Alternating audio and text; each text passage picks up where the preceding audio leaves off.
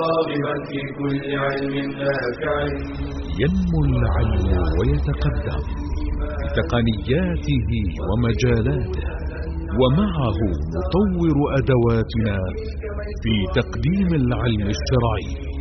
أكاديمية زاد. زاد أكاديمية ينبوعها. صاف.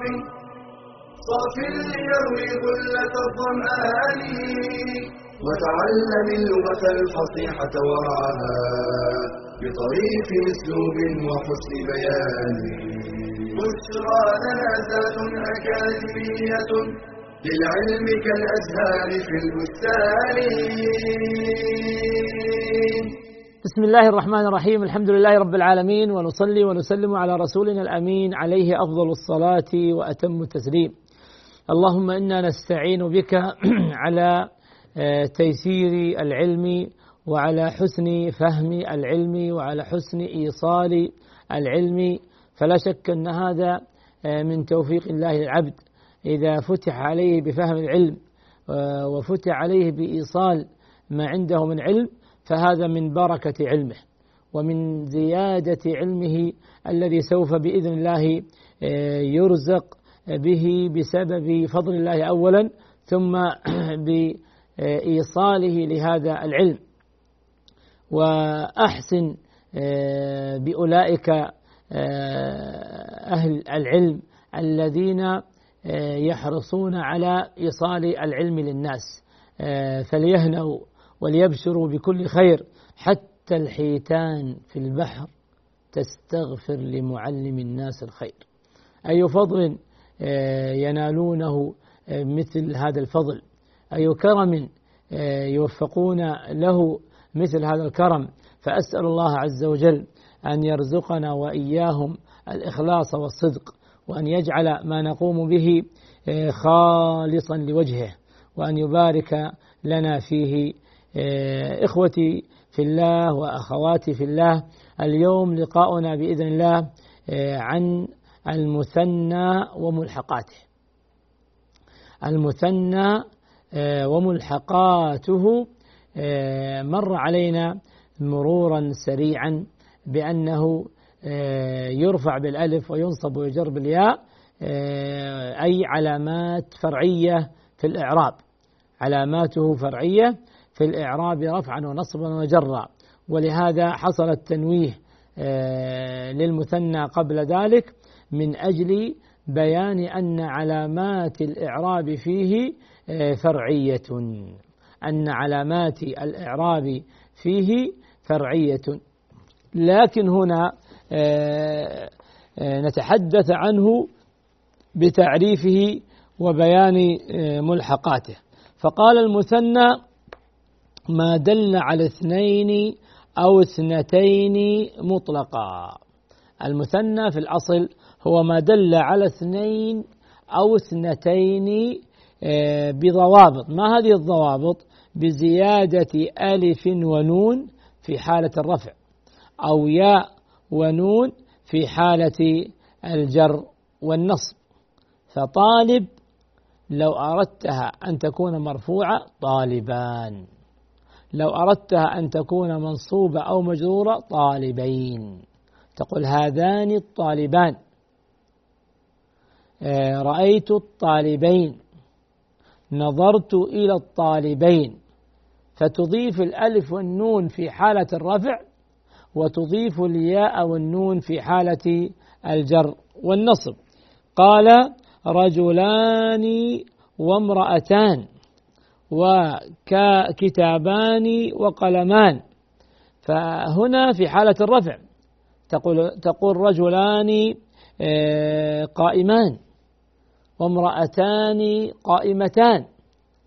وإذا أردنا أن نعرب نقول رجلان مبتدأ.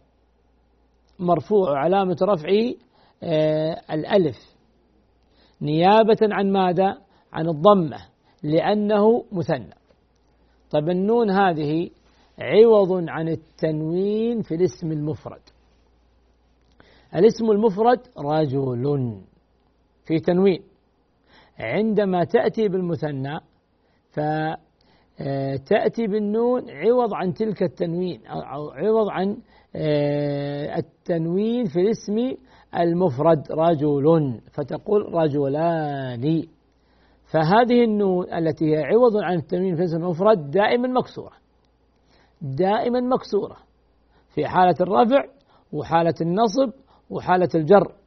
رجلان قائمان إن الرجلين قائمان رفعا ونصبا. انظر إلى الرجلين الموجودين فدائما النون في المثنى آه، مكسورة. إذا المثنى نضيف الألف والنون في حالة الرفع والياء والنون في حالة آه، الجر والنصب. آه، من الشروط ثم قال فليس من المثنى ستأتينا أن من ملحقات المثنى. ولماذا كانت ملحقة بالمثنى وليست المثنى سوف نذكر ذلك. هنا بين قال كلا وكلتا واثنان واثنتان وزوج وشفع.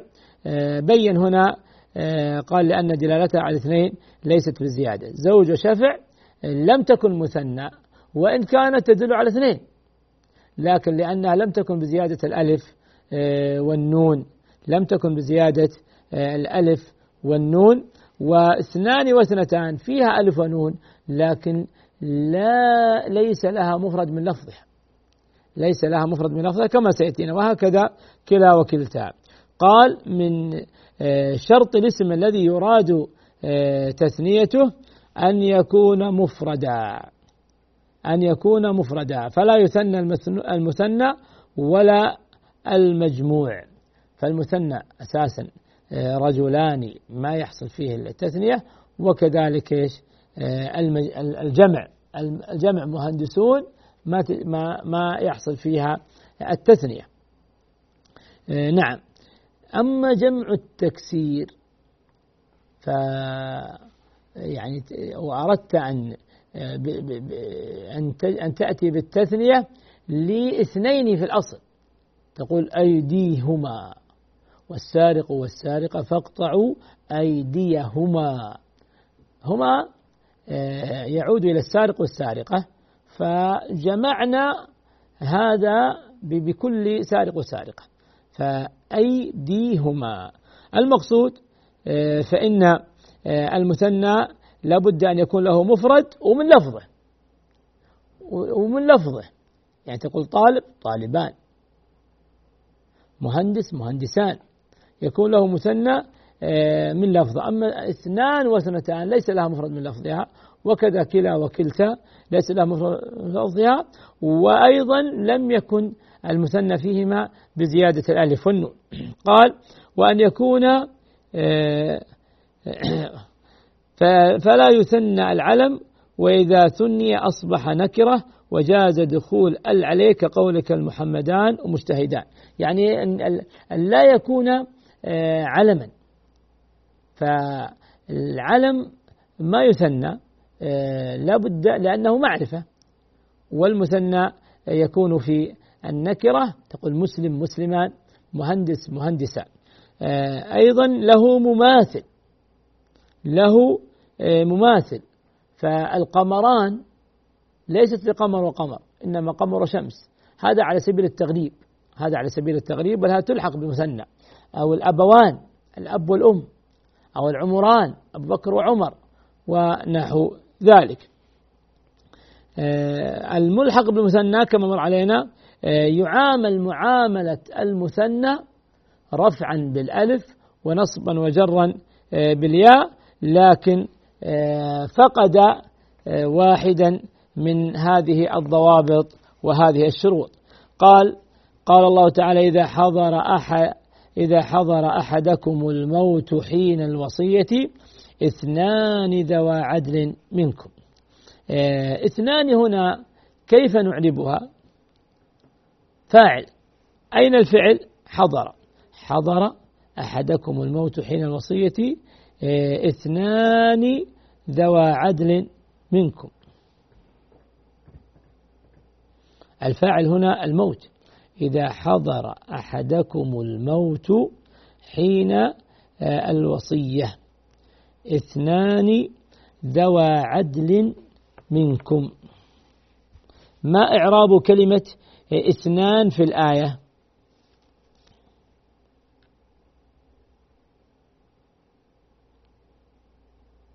هي ملحقة بالمثنى كما أشار هنا ومرفوعة آه، لأنها تعرب إعراب المثنى. مرفوعة بالألف.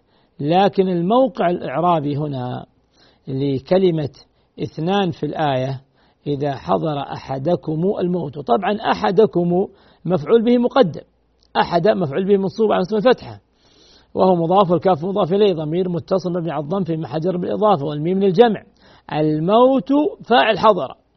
مرفوع علامة رفعه. الضمة الظاهرة على آخره. لكن إذا حضر أحدكم الموت حين الوصية اثنان.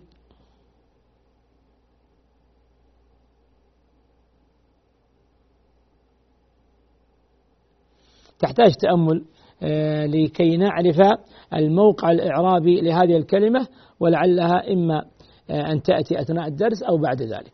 المقصود أن كلمة اثنان هنا آه، هي ملحقة بالمثنى. فبالتالي تعرب إعراب المثنى تكون مرفوعة بالألف.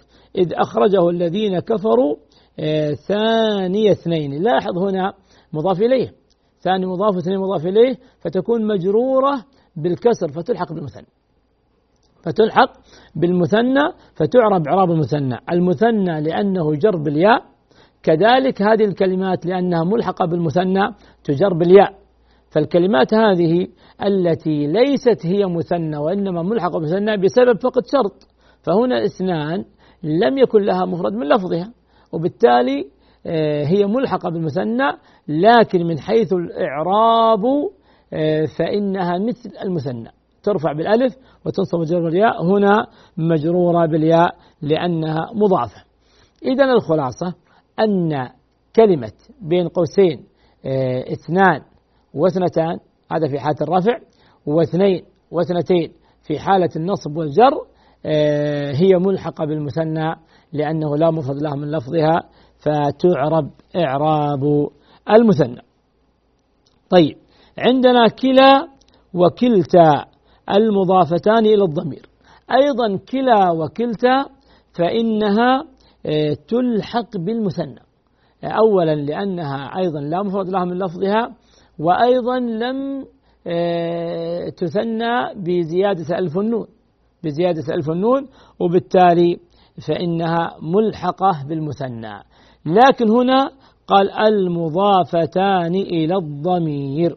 يشترط في كلا وكلتا حين إلحاقهما بالمثنى أن يضافا إلى ضمير. فتقول الرجلان كلاهما آه، متقدمان. الطالبان كلاهما فاهمان للإعراب. نعرف هذه الجملة. الطالبان مبتدأ مرفوع وعلامة رفعه الألف. نيابة عن ماذا؟ عن الضمة. لماذا؟ لأنه مثنى. والنون كما عرفنا عوض عن التنوين في الاسم المفرد. إن ذكرت ذلك أو لم تذكره آه، لا يؤثر في الإعراب. طيب الطالبان كلاهما. هنا كلا توكيد. وتوكيد المرفوع مرفوع. لأن التوكيد من التوابع. عندنا أربعة توابع تتبع ما قبلها في الإعراب. النعت والعطف والتوكيد والبدل. هذه يطلق عليها في اللغة العربية التوابع يعني تتبع ما قبلها في الإعراب. فهنا كلاهما آه، آه، توكيد لكلمة الطالبان في أول الكلام. نحن نحكي الحكاية نحكي كلمة الطالبان وإلا توكيد الطالبين. لكن لأن الطالبان هكذا في الجملة نذكرها هكذا. فالمقصود أن كلاهما آه، توكيد لكلمة الطالبان في أول الكلام وتوكيد المرفوع مرفوع. وعلامة رفعها الألف نيابة عن الضمة علل لأنها ملحقة بالمثنى. لأنها ملحقة بالمثنى. ليست مثنى وإنما لأنها ملحقة بالمثنى. فتكون مثل المثنى في الإعراب. ولهذا هنا مرفوعة وعلامة رفع الألف نيابة عن الضمة الطالبان كلاهما وكلا مضاف وهما آه، ضمير آه، أو قل الهاء ضمير متصل مبني على الضم في المحجر بإضافة وما للتثنية أو هما ضمير أيضا آه، متصل مبني على السكون في محجر بالإضافة. والطالبان كلاهما فاهمان للإعراب. فاهمان خبر مرفوع علامة رفع الألف نيابة عن الضم لأنه مثنى واللام حرف جر والإعراب اسم مجرور بإلى وجار مجرور متعلق بكلمة فاهمان. نأخذ فاصلا يسيرا ثم نعود إليكم بإذن الله.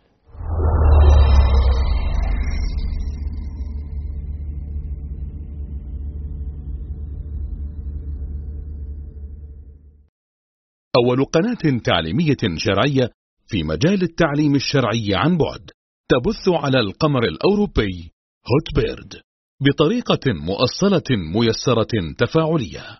قناة زاد العلمية وتقدم لمشاهديها أكاديمية زاد للعلوم الشرعية وتهدف إلى تقريب العلم الشرعي للراغبين فيه عن طريق شبكة الإنترنت وعن طريق قناة تلفزيونية فضائية قناة زاد العلمية.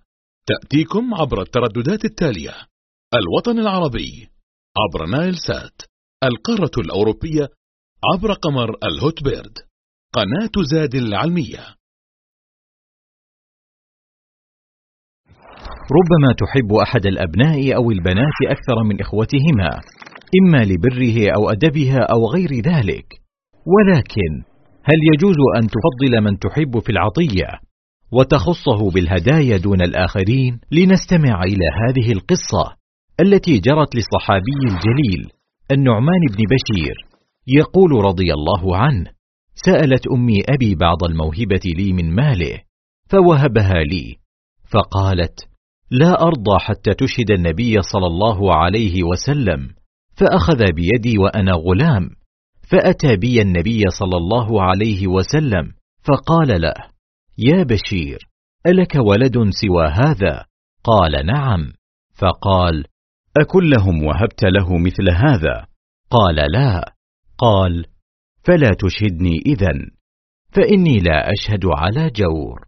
ففي هذا الحديث تحذير من تفضيل أحد الأبناء على إخوته وأنه من الجور والظلم ولم يفرق بين الذكر والأنثى. وذلك لما يؤدي إليه من الكراهية والنفور بينهم.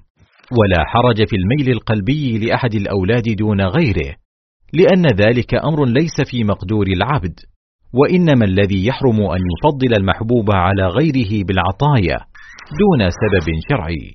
فإن حصل مثل هذا التفضيل وجب رد العطية أو إعطاء الآخرين مثل أخيهم ويجوز التفضيل بين الأولاد. إذا كانت هناك أسباب وجيهة تدعو إلى ذلك كأن يخص أحد أولاده لمرض أصابه أو فقر وحاجة ألمت به أو لاشتغاله بطلب العلم ونحوه من الفضائل. وللوالد أن يمنع العطية عمن يستعين بها على معصية الله تعالى ويعطيها لمن يستحقها. قال تعالى وتعاونوا على البر والتقوى ولا تعاونوا على الإثم والعدوان. واتقوا الله إن الله شديد العقاب.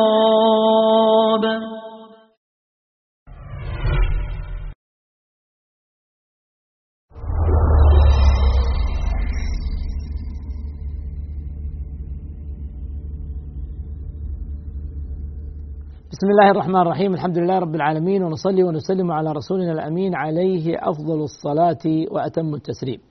إيه، قبل أن أواصل معكم إيه، الحديث عن كلا وكلتا إيه، وكو وكونهما ملحقة بالمثنى. كنا قد وقفنا في آية سابقة قبل الفاصل آه، وهي قول تعالى شهادة أحدكم إذا حضر أحدكم الموت حين الوصية اثنان. ووقفنا عند عند إعراب كلمة اثنان. والسبب أن الآية لم أذكرها كاملة. وبالتالي حصل هذا إشكال وإلا فإن الآية شهادة أحدكم شهادة مبتدأ فاثنان خبر المبتدأ. اثنان خبر المبتدأ. فبالتالي يكون هنا إعراب اثنان خبر وهي مرفوعة بالألف لأنها ملحقة بالمثنى. طيب نعود إلى البحث في كلا وكلتا. آه ذكرنا قبل الفاصل بأن كلا وكلتا آه تلحق بالمثنى من حيث الإعراب وإلا فإنها ليست مثنى من حيث المطابقة والسبب في ذلك أنها آه لم يكن لها مفرد من لفظها وأيضا لم تتحقق فيها التثنية بزيادة الألف والنون أو الياء والنون. فإذا أضفنا ولكن يشترط في كون كلا وكلتا تلحقان بالمثنى أن تضاف إلى ضمير. أن تضاف إلى ضمير. كما ذكرنا مثالا لكم قبل الفاصل الطالبان كلاهما يفهمان النحو. الطالبان كلاهما يفهمان النحو أو فاهمان للنحو. فالطالبان هنا قلنا مبتدا مرفوع بالألف نيابة عن الضمة لأنه مثنى. كلاهما قلنا توكيد لكلمة الطالبان في أول الجملة وتوكيد المرفوع مرفوع. وتوكيد المرفوع مرفوع. وبالتالي هي مرفوعة مثل كلمة الطالبان في أول الكلام وعلامة الرفع فيها الألف نيابة عن الضمة لأنها ملحقة بالمثنى. لأنها ملحقة بالمثنى فتأخذ إعرابه. فهماني خبر. طيب. إذا شرط كون كلا وكلتا ملحقة بالمثنى أن تضاف إلى ضمير. أما إذا لم تضاف إلى ضمير وإنما أضيفت إلى اسم ظاهر فإنها لا تلحق بالمثنى وإنما تعرب إعراب الاسم المقصور. تقول كلا الطالبين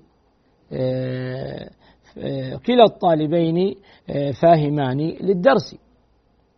كلا هنا مبتدأ مرفوع وعلامة رفعه الضمة المقدرة على آخره منع من ظهور التعذر. كلا فإنها مثل المقصور مثل الاسم المقصور. وكلتا كذلك عندما تقول كلتا الطالبتين حاضرتان. كلتا مبتدأ. مرفوع وعلامة رفعه الضمة المقدرة على آخره. لما لم تلحق بالمثنى لأنها لم تضف إلى ضمير. لما لم نلحق هنا كلتا بالمثنى؟ الجواب لأنها لم تضف إلى ضمير. إنما كلا وكلتا يلحقان بالمثنى إذا أضيف إلى ضمير. تقول كلاهما كلاكما كلتاهما كلتاكما فأضفتهما إلى ضمير كلاهم كلاكم أو كلاهما كلاكما إنما هي مثنى. فتقول كلاهما كلاهكما فهنا عندما تضيفهما إلى عندما تضيفهما إلى ضمير فإنها تلحق بالمثنى. فتعرب إعراب المثنى.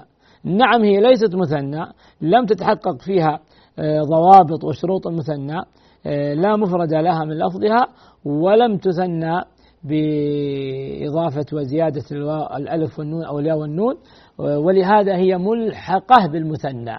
لكن الإعراب تعرب إعراب المثنى بشرط إذا أضيف إلى ضمير. أما إذا أضفناهما إلى اسم ظاهر فإنها تعرب إعراب الاسم المقصور تعرب إعراب الاسم المقصور. فعندما تقول كلا الطالبين كلا مبتدأ مرفوع وعلامة رفع الضمة المقدرة على آخره منع من ظهورها التعذر منع من ظهورها التعذر وهو مضاف والطالبين مضاف إليه. إذا متى نعرب آه، كلا وكلتا إعراب المثنى؟ إذا أضيف إلى ضمير. أما إذا أضيف إلى اسم ظاهر فإنهما آه، لا يعربان إعراب المثنى وإنما يعربان إعراب الاسم المقصور.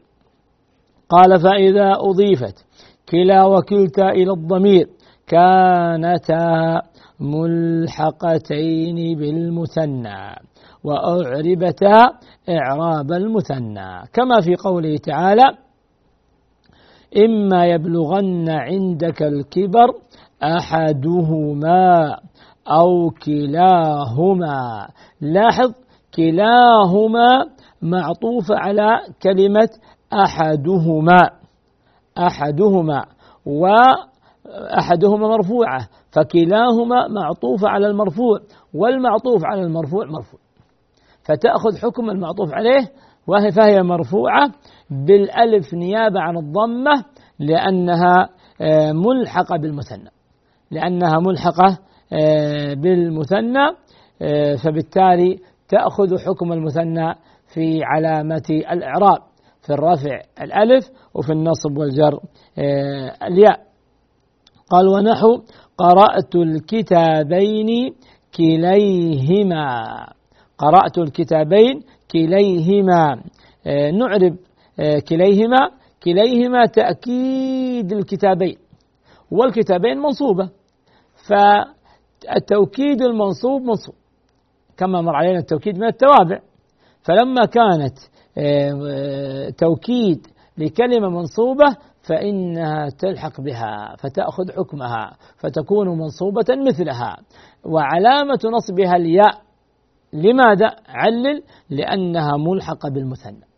هي ليست مثنى كما مر علينا لكنها ملحقة بالمثنى فتأخذ إعراب المثنى فتكون منصوبة بالياء نيابة عن الفتحة.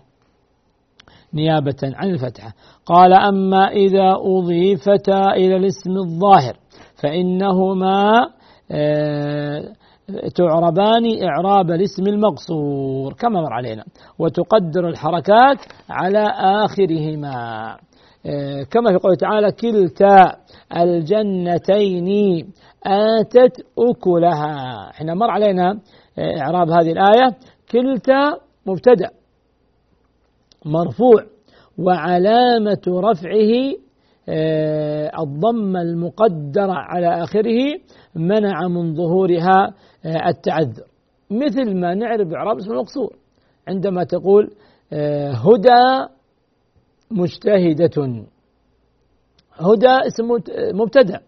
مبتدأ مرفوع. وعلامة رفعه الضمة المقدرة على آخره. منع من ظهورها ماذا؟ التعذر. لأنها اسم مقصور.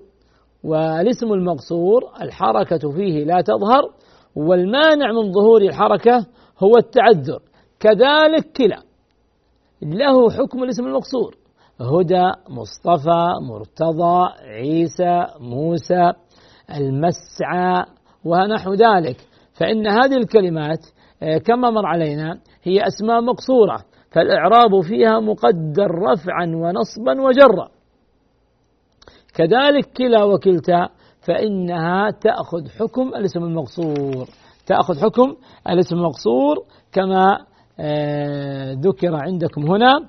آه، أما إذا أضيفت إلى الاسم الظاهر فإنهما تعربان إعراب الاسم المقصور وبالتالي تقدر الحركات عليها في أوجه الإعراب الثلاثة رفعا ونصبا وجرا. كما نقدر في المقصور تماما عندما تقول آه، عيسى يدعو ربه.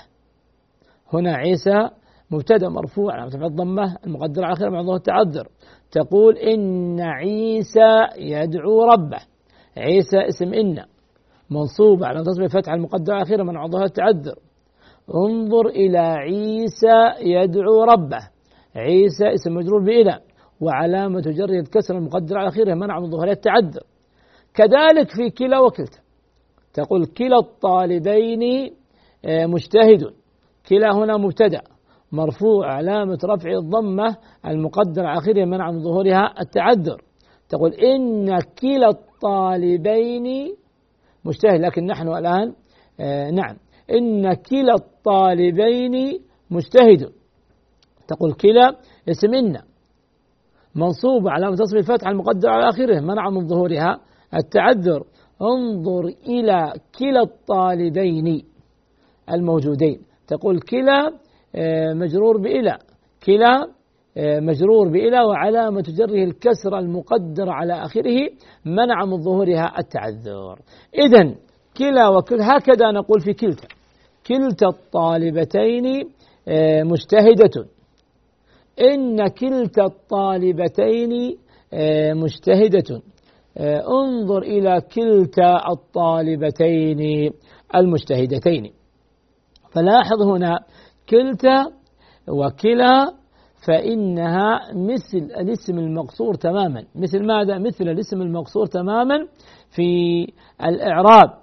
فيكون الإعراب مقدرا رفعا ونصبا وجرا. قال هنا آه، ونحو رأيت كلا الطالبين. رأيت كلا الطالبين. نعرف هذه الجملة.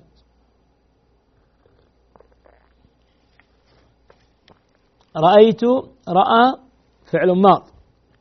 مبني على ماذا؟ مبني على السكون. علل. لماذا الفعل الماضي هنا بني على السكون؟ لاتصاله بضمير رفع متحرك. أو قل مباشرة لاتصاله بتاء الفاعل. صالي بتاء الفاعل. طيب. وتاء الإعراب القائم على الأجزاء الثلاثة. آه والتاء أقصد. والتاء. والتاء ضمير متصل مبني على الضم في محل رفع فاعل. ضمير متصل مبني على الضم في محل رفع فاعل. آه، كلا هنا مفعول به. منصوب. وعلامة نصبه ماذا؟ الفتحة الظاهرة أو المقدرة. هنا أضيف كلا إلى اسم ظاهر أو إلى ضمير. أضيف إلى اسم ظاهر. لو كان مضافا إلى ضمير لكان النصب فيه بالألف لأنه ملحق مثنى. لكن هنا مضاف إلى اسم ظاهر فيلحق بالاسم المقصور. فبالتالي تكون العلامة في مقدرة. نقول كلا مفعول به منصوب بالفتح المقدر على آخره منع من ظهورها ماذا؟ آه، التعذر. وهو مضاف والطالبين مضاف إليه مجرور وعلى مجره الياء. نيابة عن الكسرة لأنه مثنى آه، نأخذ فاصلا يسيرا ثم نلخص لكم درسنا في هذا اليوم. جزاكم الله خيرا والحمد لله والصلاة والسلام على رسول الله.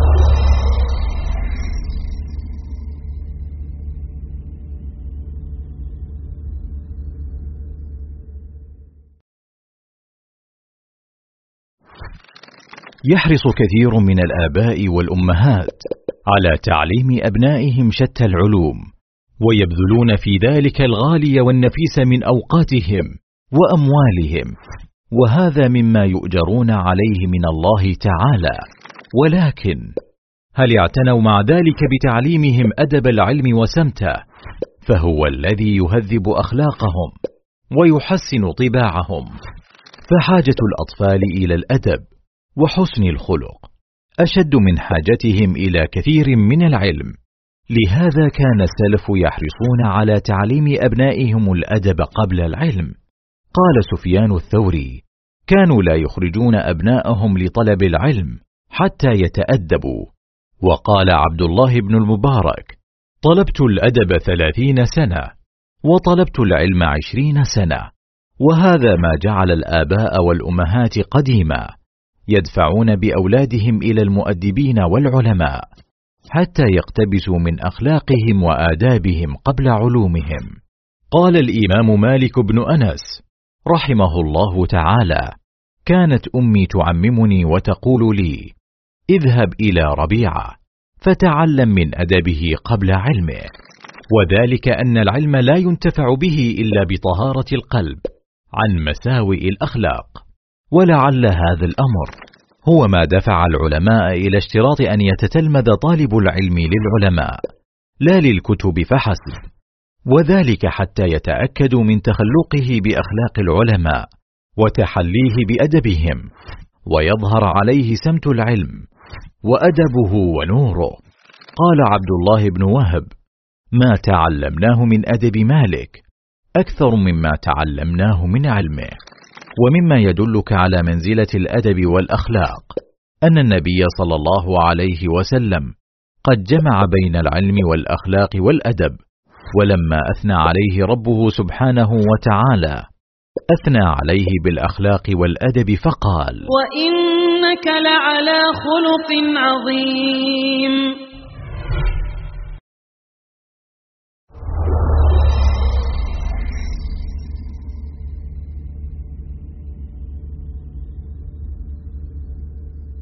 بسم الله الرحمن الرحيم الحمد لله رب العالمين ونصلي ونسلم على رسولنا الامين عليه افضل الصلاه واتم التسليم. ايها الاخوه وايتها الاخوات كنا قد اخذنا قبل الفاصل ما يتعلق بالمثنى الان نذكر خلاصه لدرسنا السابق. قال المثنى اسم مفرد زيد في آخره ألف ونون. يعني المثنى في الأصل اسم مفرد أي له مفرد من لفظه. أي له مفرد من لفظه.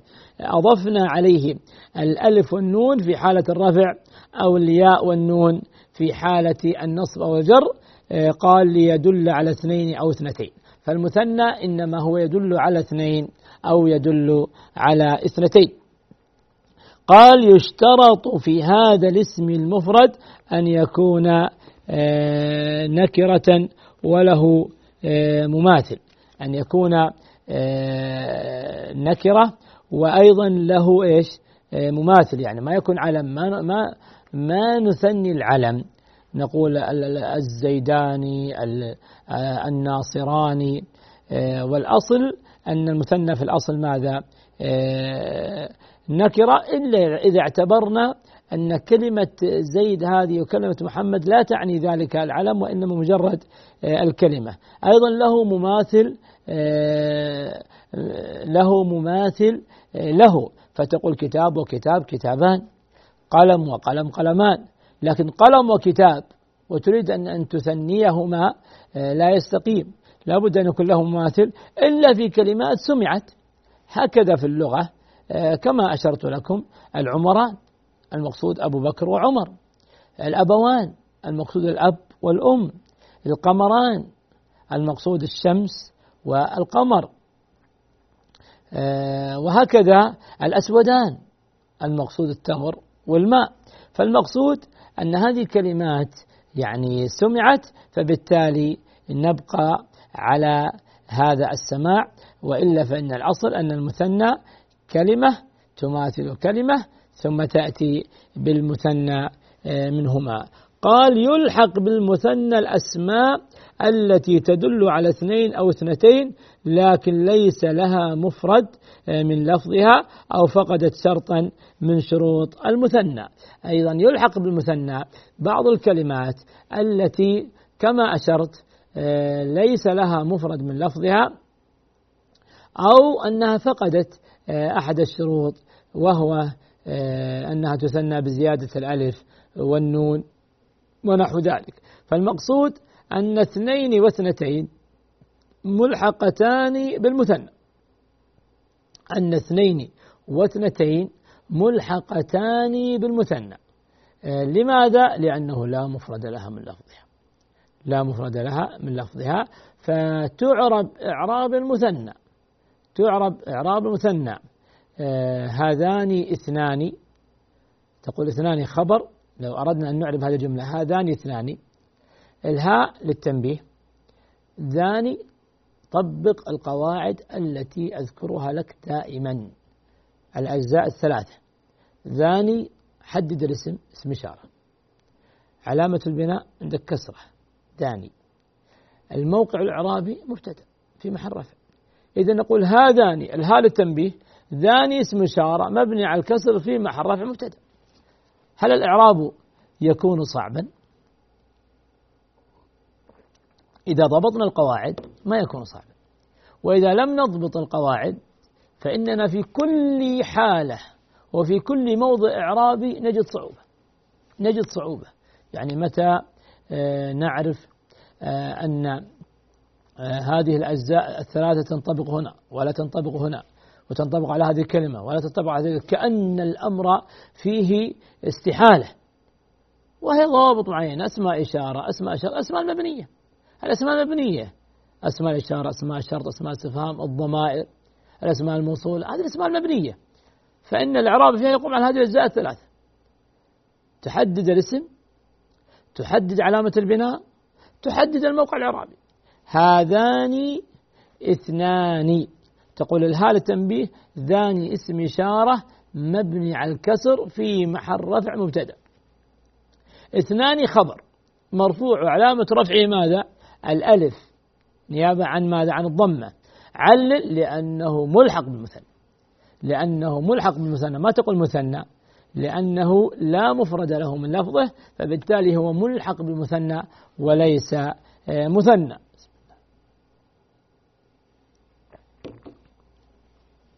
أيضا كلا وكلتا آه، تلحقان بالمثنى والسبب لا مفرد لها أيضا من لفظها وأيضا لم آه، تثنى بزيادة ألف النون. فتقول كلا وكلتا ملحقة بالمثنى بشرط أن تكون مضافة إلى ضمير. يعني تضيف كلا إلى ضمير أو تضيف كلتا إلى ضمير. تقول كلاكما كلاهما.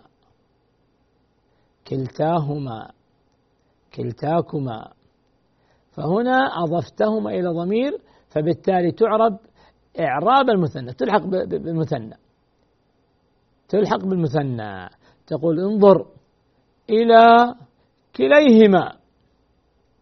كليهما هنا نقول آه، إلى حرف جر وكلا مجرورة بإلى وعلامة جرها الياء. نيابة عن الكسرة لأنها ملحقة بالمثنى. لاحظ ملحقة بالمثنى. والسبب أنها أضيفت إلى ضمير.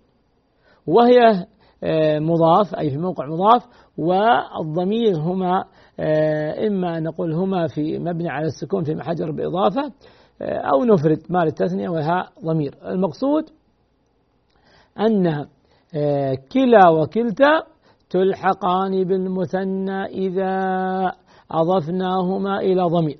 أما إذا لم يضافا إلى ضمير وإنما أضيف إلى اسم ظاهر فإنها لا تلحق بالمثنى وإنما تلحق بالاسم المقصور. تلحق بالاسم المقصور تقول انظر إلى كلا الطالبين أو انظر إلى كلتا الطالبتين. فهم كلا الطالبين الدرس.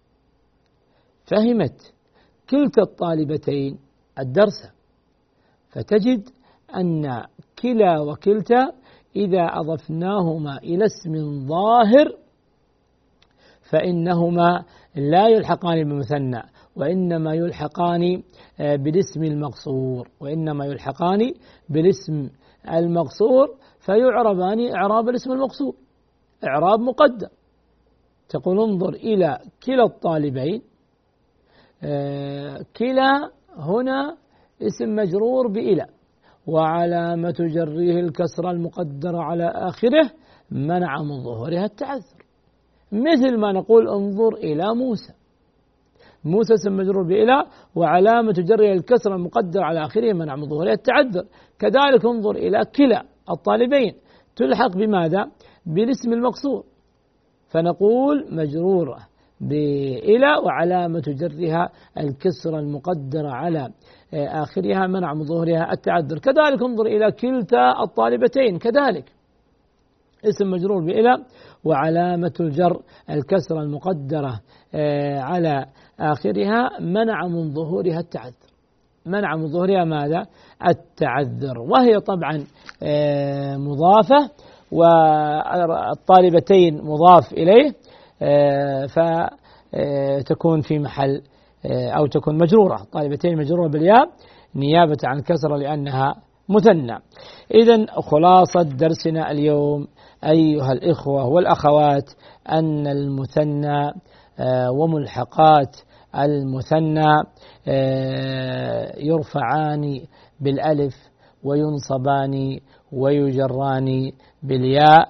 حركات أو حروف آه، فرعية تنوب عن الحركات الأصلية وهي الضمة في الرفع والفتحة في النصب والكسرة في الجر. أسأل الله عز وجل في آخر درسنا هذا آه، أن يوفقنا آه، إلى تيسير العلم وإلى فهم العلم وإلى المزيد من العلم وقل رب زدني علما وأن يبارك لنا في علمنا. جزاكم الله خيرا جميعا.